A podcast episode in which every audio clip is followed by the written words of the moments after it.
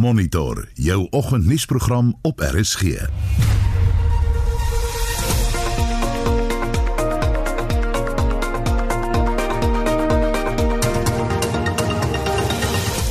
volgens se program hulde aan 'n voormalige uitvoerende hoof van die Nelson Mandela Stichting. Hy het in so 'n stresvolle omgewing moes werk by die Nelson Mandela Stichting, maar hy het ook deernis gehad vir alle partye Die DA het oor die naweek sy beleidskonferensie gehou. Ons praat net na 07:30 met 'n politieke ontleder. En die Rooikruis se krygsgevangene protokol vier sy 150ste bestaanjaar. Om 10:07 praat ons met 'n oorlogskenner. Die hoog aangeskrewe rolprent Stam word vir die eerste keer vertoon. Die werklikheid is enige film vat lank. Ek dink mens moet in ag neem dat film is 'n samesmelting van verskriklike klomp kunsvorms op een slag.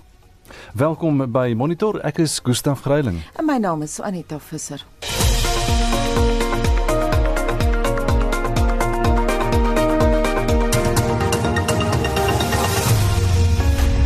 13 minute oor 6 uur by Monitor op RSG.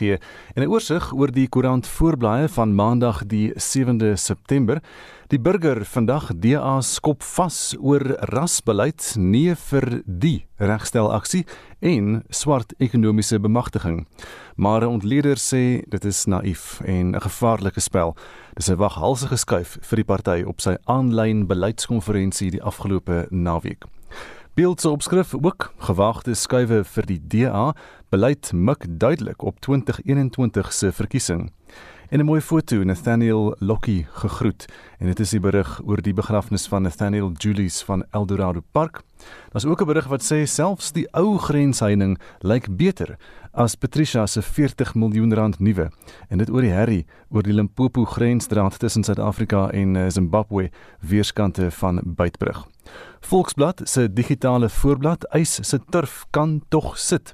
Kan regtenis geneem word en dit is die gevaarligte wat nou moet flikker vir die oud Vrystaatse premier en ANC sekretaris-generaal daar se sterk groepe binne die ANC wat wil hê hy moet behoorlik verantwoording doen. En dis vinnige oorsig oor vanoggend se nuus. Dis nou byna kwart oor 6 en die parlementêre konstitusionele hersieningskomitee oorweeg dit om die Suid-Afrikaanse gebaretaal as die land se amptelike 12de taal te erken. Die bepaalde artikel in die grondwet wat hiermee verband hou, sal egter eers gewysig moet word. Is jy dalk self doof of gehoor gestremd? Wat is jou ervaring en uitdagings in die samelewing of van 'n doewe persoon naby jou?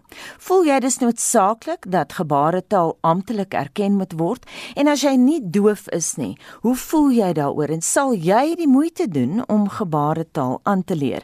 Stuur vir ons 'n SMS na 45889, dit kos R1.50 of gaan na facebook.com vorentoe skynstreep ZRC of WhatsApp vir ons stemnota na 076 536 6961 076 536 6961 So kwart oor 6 en die Duitse en Britse regerings sê die Russiese president Vladimir Putin skuld antwoorde op die talle vrae oor die vergiftiging van een van sy skerpste kritici, die oppositiepolitikus Alexei Navalny.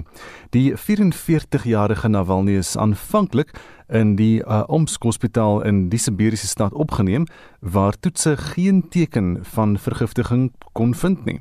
Later is Navalny egter Duitsland toe waar hy in die Berlin Charité Hospitaal opgeneem is en daar het chemiese toetse uh, in verskeie laboratoriums onteenseglik bewys dat sy bloed die gifstof Novichok bevat het. Anita het Suid-Afrika se eertydse ambassadeur in Moskou, emeritus professor Gerrit Olivier van die Universiteit van Pretoria gevra wat hy van die hele herrie dink. Anita in die geval dink ek is daar nie twyfel dat die Kremlin betrokke is nie. Daar's 'n patroonmatigheid, die goed gebeur herhaaldelik en dieselfde uh, prosedures word gevolg. Daar kan wel geskuil word agter mense wat nie betrokke is by die KGB of by die FSB of by die Kremlin nie, maar uh, dit is 'n flou verskoning en niemand sal dit glo nie. Die punt is net, hoe bewys jy dit klink en klaar dat die Kremlin se rol daarin uh, doelmatig was? Jy het nou gepraat Gerrit van die feit dat daar is 'n patroon hier. Mens kan inderdaad verwys na ander gevalle. Daar was Alexander Litvinenko in 2006 wat uh, voormalig van die KGB en die FSB was en die Britte het reguit gesê hy is definitief vergiftig. Putin het dit ten sterkste ontken. Toe was daar die geval van Sergei Skripal en sy dogter wat vergiftig is. Weereens het die Putin administrasie gesê dit het niks met ons te doen nie. So hierdie dinge kom al 'n hele ruk. Anita, die hele ding moet gesien word deur die agtergrond van die aanbidding wat die gewone russe ter Putin het. Hulle dink hulle doen hom 'n guns. Dit is amper soos in Nazi Duitsland toe die Duitsers gestreef het om soos Hitler te wees of om Hitler se wel en wee te bevorder. Hulle dink hulle doen 'n patriotiese daad. Kyk, Putin, dis nie net hierdie vergiftigings nie, dis 'n patroon wat ook deurgaan tot die wortels van die politiek in Rusland. Hy duld geen oppositie nie. Die oppositie word heeltemal of feitelik totaal geëlimineer in die Duma. Jy weet, is dit problematies om 'n setel te wen as jy nie aan 'n warboel prosedures voldoen nie. So op elke hoek en draai in die pers, die pers is nie vry nie. Die pers word onderdruk. Op elke hoek en draai probeer Putin op die Kremlin oppositie vermy of oppositie uitskakel. En dit is 'n baie baie dodelike politieke instrument wat gebruik en 'n mens kan nie glo dat jy weet in die Rusland van vandag waar baie mense meer opgevoed en dan in die buiteland blootgestel word so aan dat 'n leier kan voortgaan om hierdie amper barbaarse onderdrukkingspolitiek te volg. Die vraag is Anita, hoekom doen Putin dit? Sy populariteit in terme van meningsopnames is gewoonlik hierso in die 70s en die 60s. As hy so populêr is in terme van die openbare mening, waarom moet hy die mense onderdruk? Hoekom gee hy nie vir hulle vryheid nie? Met ander woorde, hy is 'n man wat lewe in 'n vrees en droom en hy is onseker van homself en onseker van die politiek wat hy volg. Gerrit Duitsland se Angela Merkel en die Britte se minister van buitelandse sake Dominic Raab het nou albei verlede week gesê die Russiese regering moet antwoorde verskaf want daar is ernstige vrae oor wat met Navalny gebeur het.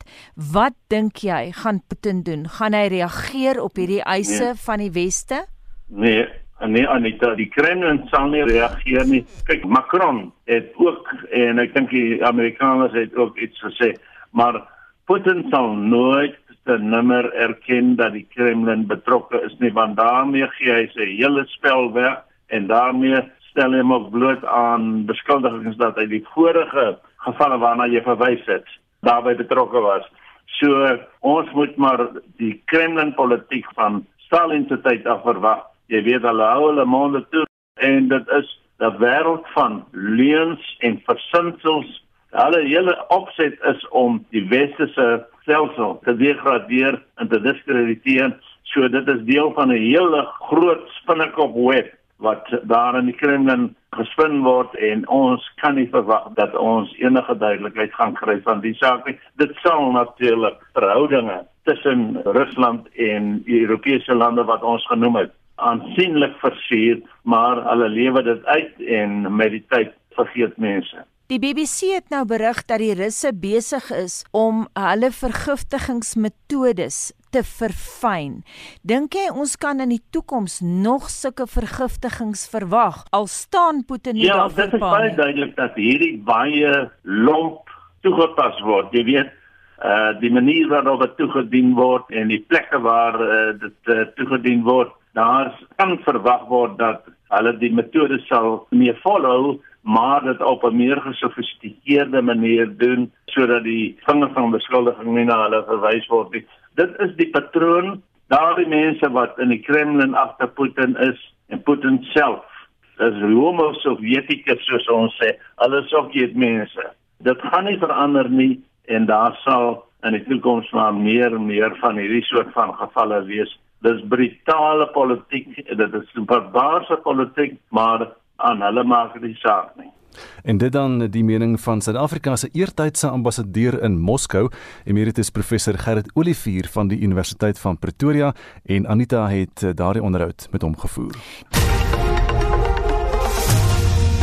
25 minute oor 6 uur by Monitor op RSG en Nathaniel Julies is Saterdag begrawe. Die Down-sindroom tiener is verlede week na bewering deur die polisie in Eldorado Park, suid van Johannesburg, doodgeskiet. Sy familie sê die lewe sal nooit weer dieselfde wees nie. Mitsi van der Merwe doen verslag. Eldorado Park inwoners het in groot getalle by die begrafnis van Nathaniel Julies by die Mount Carmel Ministries opgedaag. Drie polisieoffisiere is sedert sy dood in hegtenis geneem. Inwoners vertel dat die geïmpliseerde polisielede die personeel by Baragwana Hospitaal ingelig het dat die seun in kruisvuur tussen bendelede geskiet is. Sy ma, Bridget Harris, sê sy sal die spesiale herinneringe aan hom altyd koester. Sy het by die gedenkdiens gepraat wat slegs deur nabye familie en vriende bygewoon is. A wonderful boy Nathaniel for 16 years. He has um, engraved wonderful memories in our hearts. Scorpion might have took him away from us, but we will always have these memories. Sy maat sê die polisie is nou die gemeenskap se vyande vir wie hulle bang is. For a policeman to shoot someone that has nothing to do with anyone, it's just heartbreaking. I am very scared. Now I'm very scared. Now I don't know what are they gonna do over us things, but I'm very scared. Yeah, I'm very scared. The same thing well. It can happen. I won't say it will, but it can happen. Die inwoners sê as 'n ouer is Julie se dood hartverskeurende. It's very painful, especially for a parent to say goodbye to a, her son in this way. More especially when I looked at that child's face in the coffin. Did a child have to get hurt so badly? It's so painful to see. I think the most important thing today is the respect for him and what he'd done and how the joy he brought to the community, irrespective of his disability. He was well loved and he was well liked. And it's hard to say goodbye to something so, so horrible and traumatic. Die ACDP-leier Kenneth Meshu wat ook by die begrafnis was, het 'n versoek op die nasionale vervolgingsgesag gedoen om nie borgtog aan die beweerde beskuldigdes toe te staan nie. The perpetrators must not be given bail. They are guilty of murder. They must not only be charged for murder, but also for possessing illegal ammunition that they are not supposed to have in their possession. Why did they even use that kind of ammunition or bullet to shoot at an innocent boy who is sick? I mean, the boy was not healthy, the boy was not well. They must be punished severely so that the people who have concluded that all police are brutal, they will know that brutality is punished. Nathaniel Julius is in die Klipspruit begrafplaas in Soweto begrawe. Die Taba Tsotetsi het hierdie verslag by die begrafnis saamgestel. Mitsi van der Merwe, SAK-nuus. Jy luister na Monitor elke weekoggend tussen 6 en 8. In die nuus volgende die EFF wil vandag alle kliekswinkels dwing om hulle deure vir 5 dae te sluit. Fase 1 beurtkrag tree om 8uur in werking en van 4uur vanmiddag af sal fase 2 toegepas word tot 10uur vanaand. En Novak Djokovic word gediskwalifiseer toe hy 'n lynregter uit frustrasie raakslaan. Bly ingeskakel. Daar is geen verkeer. Daar's drie mense beseer in 'n botsing by die, inter, die uh, op 'n wisselaar by N2 by Marburg in KwaZulu-Natal en daar is 'n taamlike erg, erge foto van die kar daar wat aan die kant vas is. Dan ek is 8 mense beseer in 'n botsing op die P55 Bomela. Ek is nie heeltemal seker waar dit is nie, maar hier is een in Pretoria. 'n Voertuig wat staan is 'n vragmotor op die N1 noordwaarts na John Foster Eiland. Die linkerbaan daar is versper, wees maar versigtig as jy daar by N1 verbyry. En dan is daar 'n uh, baie gesluit in Johannesburg se omgewing. Die N3 tussen Marlborough en London is gesluit.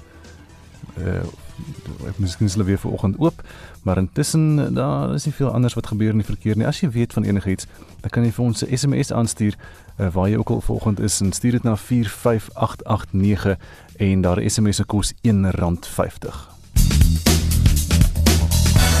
Estie Anita Valenske Perotspie sê dink net as almal gebaretaal leer hoef ons geen ander taal aan te leer om mekaar te verstaan nie van Chinees tot Khoi kan mekaar dan verstaan. Quentin Clark skryf vir ons ek sal bitter graag gebaretaal wil leer. My vrou is doof in een oor en hoor nie 100% in haar ander oor nie. So sal dit graag wil leer en ja, hoekom dit nie erken as amptelike taal nie. Anne Marie Mil sê gehoorgestremdes en siggestremdes is van die wonderlikste innoverende mense wat ek ken. Ons sal die ander eerste wêreldlande uitstof as ons hulle meer kan betrek. Daar lê ongeginde diamante in die gestremde wêreld en as ons gebare en brail offisieel maak, sal dit talle probleme oplos. Rita reeds skryf, hoekom nie die Khoisan taal dan ook erken nie? Dis tog 'n inheemse taal.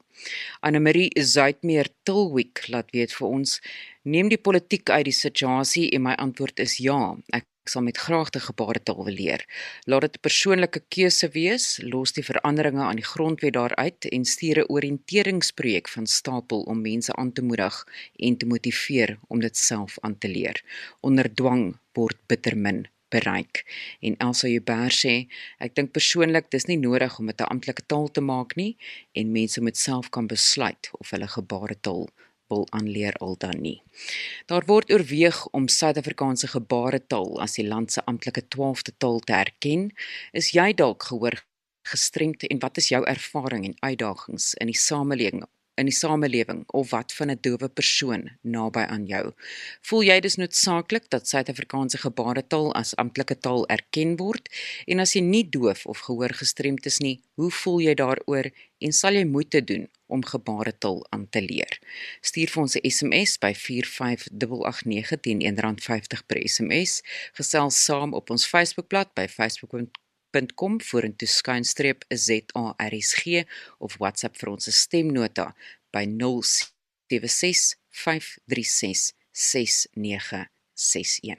24 voor 7 en hier is Shaun Jooste met vandag se sportnuus.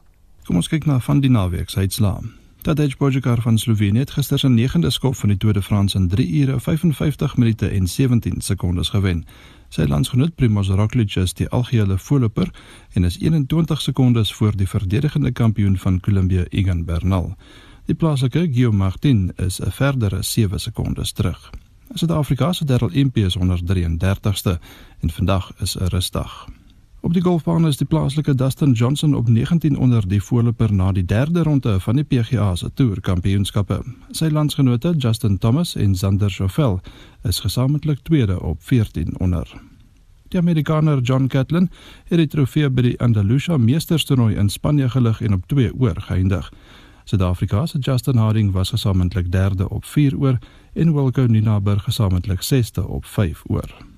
Tennis. In die laaste 16 ronde van die Amerikaanse Ope in New York in die mansafdeling is Novak Djokovic van Servië gediskwalifiseer nadat hy 'n lynregter met 'n bal uit frustrasie raakgeslaan het. Die Spanjaard Pablo Carreño Busta was 6-5 voor in die eerste stel en wen dus die wedstryd.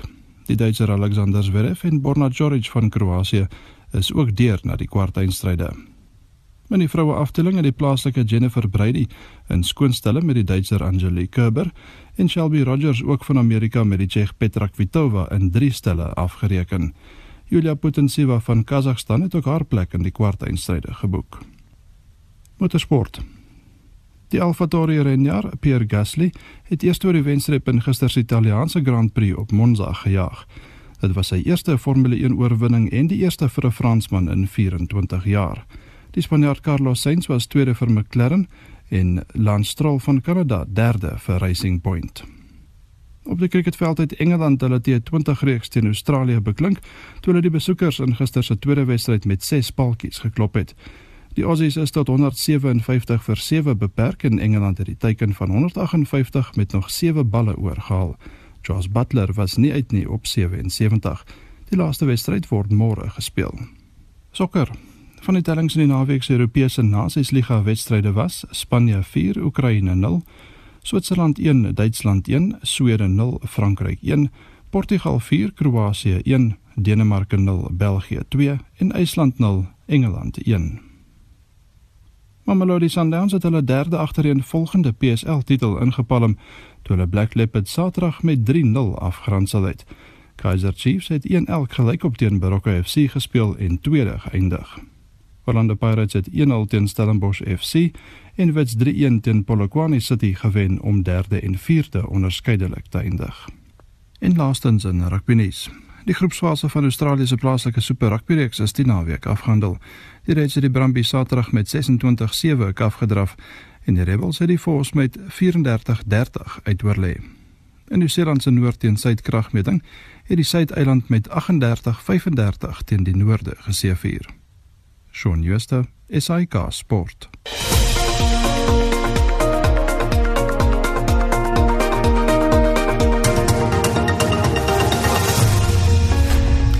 Die DA gaan vandag 'n media-konferensie hou om die besluite wat die naweek op sy virtuele beleidskonferensie gehou is bekend te maak. En ons praat nou hier oor met professor Dirk Kotse van Unisa. Goeiemôre Dirk. Goeiemôre Anita. Dirk, die party het nou sy beleid oor sogenaamde ekonomiese geregtigheid bekend gemaak wat swart ekonomiese bemagtiging en regstellende aksie verwerp. So dit lyk my 'n ras gaan nou nie meer 'n rol speel nie of hoe?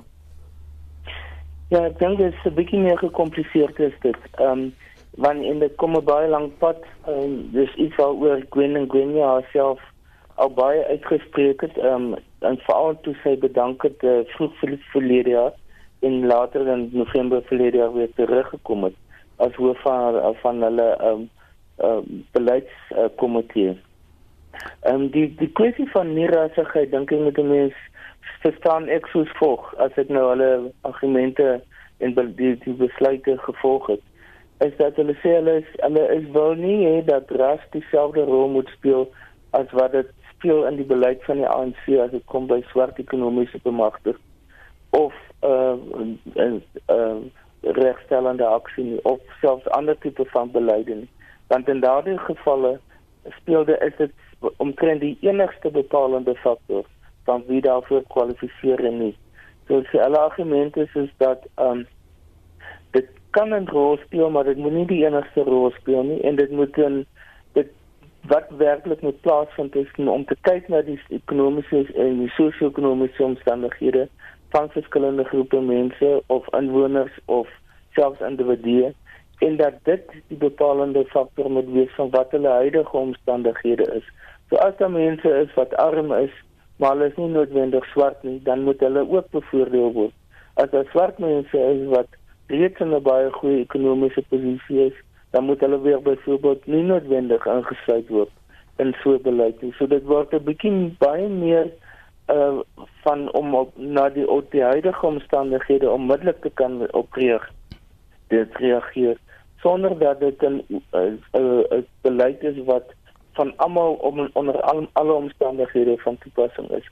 So dit dit raak baie meer baie moeiliker om te implementeer en meer gesofistikeerd om te bepaal wie werklik uiteindelik uh dan in so beleid in ingesluit kan word. So dink jy dit gaan net daaroor om hulle self behoorlik van die ANC te onderskei? Dis baie dis 'n baie belangrike faktor. Ehm um, dis dis een deel daarvan. Dis om hulle te onderskei van 'n beleid wat die ANC self oor as krities begin word het um, al in die Zuma tyd deur te sê byvoorbeeld swart ekonomiese bemagtiging het het nie die gewone persone op die grond werklik geraak nie maar dit het 'n ekonomiese elite tot stand gebring. Hmm. Um, en daardie elite word gaan voort om daarbey te baat. So dit was nie 'n proses van om hulle te lig of op te lig tot die punt waar hulle nou in 'n goeie posisie is nie, maar dit gaan steeds voort. So dit is 'n perpetuerende sikliese proses in steede daarvan dat dit aanbeweeg na ander mense wat ook aangetrek moet word. Die tweede aspek daarvan is is dat hulle sê wel dis uiters noodsaaklik vir die situasie in die algemeen. So dit is na 25 26 jaar het die sosio-ekonomiese omstandighede vir baie mense nog nie baie verander nie. En dit is dringend nodig. So dis uit daardie oogpunt is sien hulle ook as nie net as 'n post-ANC beleid nie, maar ook as 'n direkte aanspreek van die huidige situasie. Dirk, ons het verlede week met John Moody gepraat en hy het onder meer in 'n baie lang onderhoud vir ons vertel dat daar baie ander mense is binne die DA wat eh, soos hy voel en wat ook nog gaan loop. Ons het gesien Musi Maimane is weg, Herman Mashaba. Hoe gaan dit die party se swart lede lok of nuwe swart lede soontoe lok? Wat dink jy gaan daar gebeur? Ek dink dis in 'n sekere sin onvoorspelbaar as dit kom op die vlak van kiesers. Um, wat gaan gebeur want hierdie beleid kan vir baie swart mense baie aanloklik word. As gevolg van die feit dat die wat op die huidige stadium nie bevoordeel word nie uh dit miskien vir hulle aantreklik kan word dat hulle sê wel dit is 'n beleid waarby ek en my familie vorentoe dalk kan baat. Dit kan ook baie aanloklik word vir uh minderhede soos byvoorbeeld bruin persone wat op hierdie stadium voel dat hulle uitgesluit is uit regstellende aksie. Ehm um, so dit gaan baie afhang van hoe die party dit voorstel en dat hulle dit nie voorstel as 'n terug na wit uh of die uh, beleid wat hoofsaaklik tot voordeel van wit persone gaan wees nie of dat dit 'n beleid is wat in 'n sekere sin 'n ander vorm van rasisme tot stand gaan bring. So dit is 'n baie delikate situasie waarna ons self bevind dit is gaan baie maklik wees vir die EFF en die ANC en ander partye om te sê maar dit kom eintlik daarop neer dat dit gaan terug na dit bevoordiging toe. En ek dink dit gaan die groot uitdaging wees vir die DA hoe om dit te kan hanteer. En dis nie 'n maklike ding om te verkoop nie. Ehm um, soos jy nou gesê, dis amper soos half iets op die skinkbord aan die ANC en EFF in 'n verkiesingsstryd, né?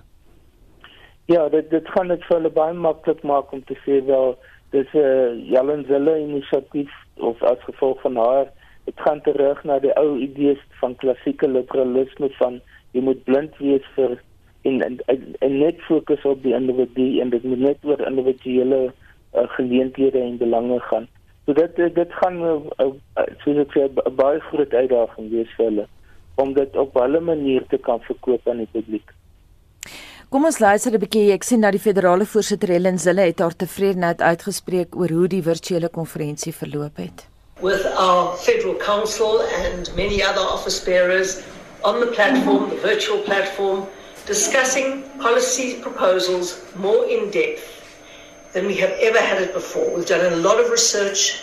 There are exceptionally good contributions in terms of written policy papers and in terms of amendments that are being debated and passed. Dirk, ons het ook in verlede week se onderhoud met John Moody gepraat oor Helen Zille. Hy was baie baie krities oor haar gewees. Hy's nie die enigste een in die party wat is nie. Hy het reguit vir ons gesê sy is die een wat die kitaar slaan. Die woord wat hy gebruik het was sy regeer. Ja, ek dink die die die rede miskien waarom sy dit hy, hy dit gesê het, is die feit dat daar op die stadium in die DA nie groot duidelikheid is e eerstens wie hulle leier is nie. Met uh, John Steenhuisen is die waarnemende leier, moet 'n verkiesing plaasvind um, en uiteindelik en dan is daar 'n klomp ander persone wat ook waarneem, byvoorbeeld die federale voorsitter, die persoon wat hierdie twee dae die verrigtinge die voorsitter van was, Alvin Meyer.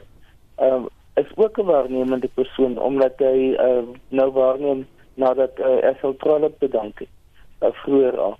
So dit is dis duidelik 'n uh, uh, bietjie van 'n onhoudbare situasie vir die DA en die persoon wat eintlik die enigste een wat werklik in 'n wel eintlik ook in 'n waarnemende posisie is is is Helen Zille.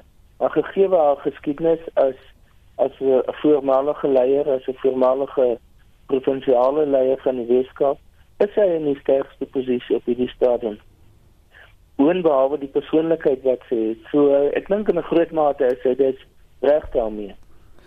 Dirk uh, gister was natuurlik nou die die die Sunday Times storie gewees in uh, Pumzile van Dam tweet nou sy is 'n prominente DA parlementslid en sy het getweet dat uh, sy in die koerante moes lees van die terugstappe teenoor en die besonderhede daarvan maar dit sy nooit persoonlik ingelig is nie. So dit lyk of daar ontevredenheid is onder hierdie swart DA leiers en die manier hoe die party bestuur word. Ja, van ek dink dat daar groot um, onsekerheid en oor die die wyse waarop die uh, sogenaamde aanklagtes vir dissiplinêre optrede of of ondersoeke vir dissiplinêre optrede plaasvind. Ek dink self dit is iets wat die potensiaal het om baie groot probleme uh, in die DA te kan veroorsaak. Veral as dit optree as aanklagtes is of beweringe is wat meer polities van aard is. Um, en 'n hele klomp van hierdie uh op die uh, uh sogenaamde aanklagtes um gaan dat gaan daaroor dat hulle die DA se naam skend, uh, dat hulle optrede teen teenoor ander lede, um wat dit gaan oor oor uitsprake wat gemaak is teenoor mekaar, maar naastebei oor politieke uitsprake, nie oor wangedrag in die algemeen nie. Um, en ek dink dit is iets wat die DA baie baie goed sal na moet kyk want anders gaan dit kan dit 'n tipe van 'n heksejag word uh, wat kan ontwikkel in iets wat uh, wat net kan oopbars binne die DA. So vir my lyk dit na tweeligste wat anders waarna hulle baie versigtig sal moet kyk. Dirk, as politieke wetenskaplike, wat dink jy van John Steenhuisen se leierskapstyl? Op die stadium dink ek probeer John Steenhuisen om 'n uh, eie identiteit te skep. Hy is vasgevang tussen twee figure wat uh, in sterk posisies was aan um, vroeër Helen Zille en nou later uh, Musi Maimani. Ehm um, en wat hy moet probeer regkry is om die probleme wat albei van hulle veroorsaak het om dit te probeer ontwyk en terselfdertyd sy eie stem uh, te, te laat hoor en 'n 'n identiteit en 'n strategie binne die DA te ontwikkel wat die probleme kan aanspreek. Ek meen die jongste probleme ehm um, is die gevolge van Musimani se leierskap. Ehm um, en veral verlede jaar se verkiesing wat hulle vir wat hulle steen verloor het, die die klagtes wat daar was dat uh, die DA se se se uh, se boodskap na die kiesers was nie baie duidelik geweest nie. Dit was teenstrydig geweest. Daar was nie behoorlik opgetree teenoor boodskappe wat teenstrydig was insluitend Jellen Zillessen nie. So dit alles is die verantwoordelikheid nou van John Steenhuisen om dit aan te spreek. Een van die voordele wat hy het is hy hy kom uit 'n provinsie wat in 'n sekere sin onpartydig is in in hierdie situasie in die KwaZulu-Natal. Dis nie of die Weskaap of Gauteng nie, want daar is 'n groot mate kompetisie tussen die twee provinsies om um, in die dominante posisie in die DA te wees. So daar is sekere voordele daar wat hy het, um, maar daar is ook baie nadele. Ek dink een van die punte wat hy nie op konsekwent is nie, is is dat toe hy aangewys is nou as waarnemende leier het hy gesê ek gaan nie meer so krities optree soos uh, Musi Maimane hmm. vir alteenoor president Ramaphosa. Uh, maar die afgelope tyd het hy dit begin doen. Ehm um, en hy skep nie die die idee dat die DA 'n alternatiewe idees of alternatiewe beleid op die tafel gaan sit nie. So um, om om 'n suksesvolle leier te word, gaan hy daai van hierdie sake nog moet aanspreek wat hy op die oomblik nie doen nie. En kry hy dit reg of is dit is hy agter die skerms nog steeds in die skadu van Helen se op 'n manier? En hoe werk die hiërargie van die DA met ander woorde is is hy as leier uh is, is hy hoor as sy in die party of nie? Ja, die die regie is ehm um, dat die die federale leier is is heel bo, dan die federale voorsitter, dan is daar die federale raad se voorsitter en dit is wat sy is. So die federale voorsitter is Dr. Ivan Meyer, ehm um, die die voorsitter van die federale raad en die federale uitvoerende uh, komitee en dit is Helen Zille en dan is daar 'n uh, reeks van adjunkvoorsitters. So Helen Zille is streng gespreek op die derde vlak. Ehm um, hm. en maar ten spyte daarvan ehm um, soos almal sien ek self het dit ook al beleef. Is hy uit in baie gevalle die leidende faktor um, in die meeste van van hierdie veral as dit kom by vergaderings wat plaasvind. Hm. Dirk, as jy nou moet sê, wat beskou jy as die DA se grootste foutlyn? Die, die grootste foutlyn is die feit dat hy op hierdie stadium die mees diverse partye in in die land is van die groot partye.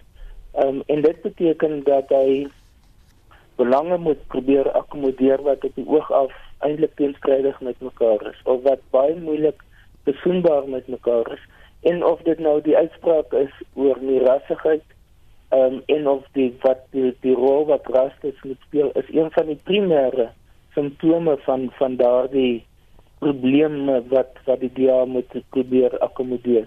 Die tweedens en dit gaan dan is eintlik daaraan verwant is wat is die die DA se se toekoms in terme van wie moet sy sy primêre fokus uh groep is wat hulle wil mobiliseer vir verkiesings.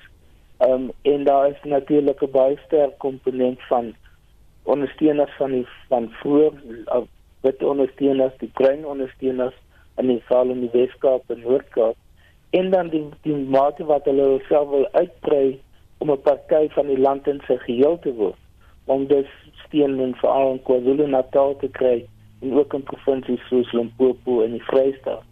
En dit gaan moeilik wees om dit alles met mekaar te versoen want die die die die, die fokuspunte, dit wat van belang is vir mense sê maar in die in die Ooskaap of KwaZulu-Natal is baie anders as die van die Weskaap. Ehm um, en dit wanneer as geen oppositieparty, letterlik geen oppositieparty wat dit nog kon regkry nie. Die meeste oppositiepartye is gefokus in een of twee provinsies. Uh, neem KwaZulu-Natal, uh, IFP en KwaZulu-Natal, hmm. UDM in die Ooskaap. Um, en en mens kan so aangaan daarmee.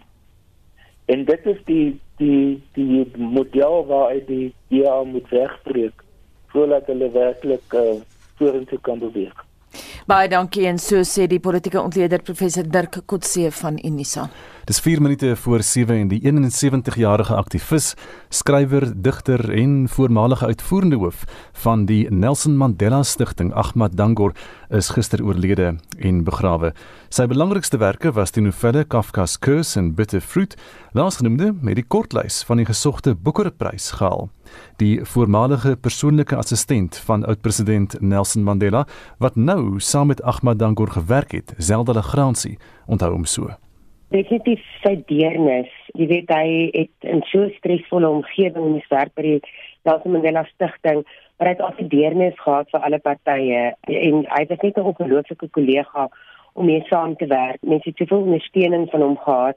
En kyk hy het sy moeilike punte gehad soos almal maar hy was 'n baie aangename mens om mee saam te werk. Het jy ooit van sy boeke gelees, Zelda? Ja, ek het Bittervruit gelees en Ahmad kon die mooiste briewe ook skryf.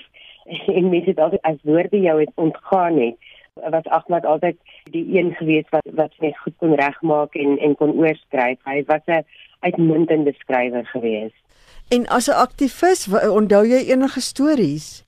Ek weet nie baie van sy aktivisme nie. Kyk, ek het hom ontmoet toe hy by die Nelson Mandela Kinderfonds die uitvoerende hoof was dit is in die laat 1990s en hy is toe weg na die Verenigde Nasies toe daarna en hy het teruggekom by die Nelson Mandela Stichting oorgeneem.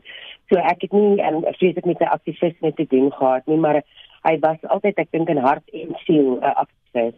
Hy is in 2015 die lewenslange prestasie toekenning deur die Suid-Afrikaanse literêre toekennings gegee. Hulle het hom hoog geag as 'n skrywer. Wie laat hy na? Sy vrou Audrey en hulle dinkie agter hy laat hulle na en ja, hy was 'n uh, uitmuntende skrywer, sy het reg sê, maar hy was definitief ook 'n baie goeie pa vir Jacques gewees en vir al sy kinders. My kinders het 'n vorige huwelik so en hy was 'n goeie eggenoot ook vir Audrey gewees. Hulle het 'n baie hegte band gehad en ja, Ahmed was almal se vriend as gevolg van sy deernis en sy besagte persoonlikheid het hy altyd 'n baie moeilike situasie met 'n baie goeie aanvoeling kon hanteer. Ek neem aan dat uh, sy familie verpleet het het deur sy heen gaan. Salda Legrandsie, die voormalige assistent van oud-president Mandela en Mitsi van der Merwe het met haar gepraat. Dis nou 6:58 en kom ons gaan na Estie toe. Lyk like daai terugvoer. Anita, kom ons luister gou eers wat een van ons luisteraars gesê het. Dis Hendrie hierso van Randfontein. Uh, ek is nou 24 jaar getroud met 'n dowe vrou.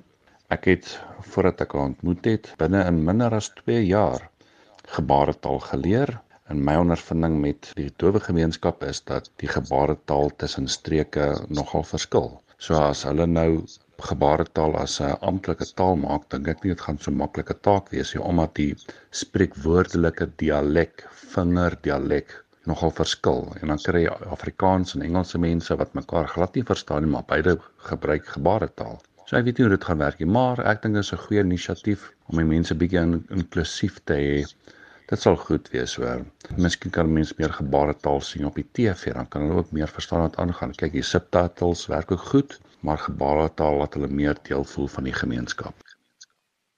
En dan sê Wilhelmina, ja vir 'n amptelike taal maak dit skoolverpligtend en dit gaan ook selfs makliker maak vir hardhorende mense in aftreeoorde. En dan sê 'n anonieme luisteraar, my sis is verstandelik gestremd en gebaretaal sal kommunikasie met haar baie help om haar gevoelens uit te druk. Ek is weer net na 08:30 terug met nog terugvoer.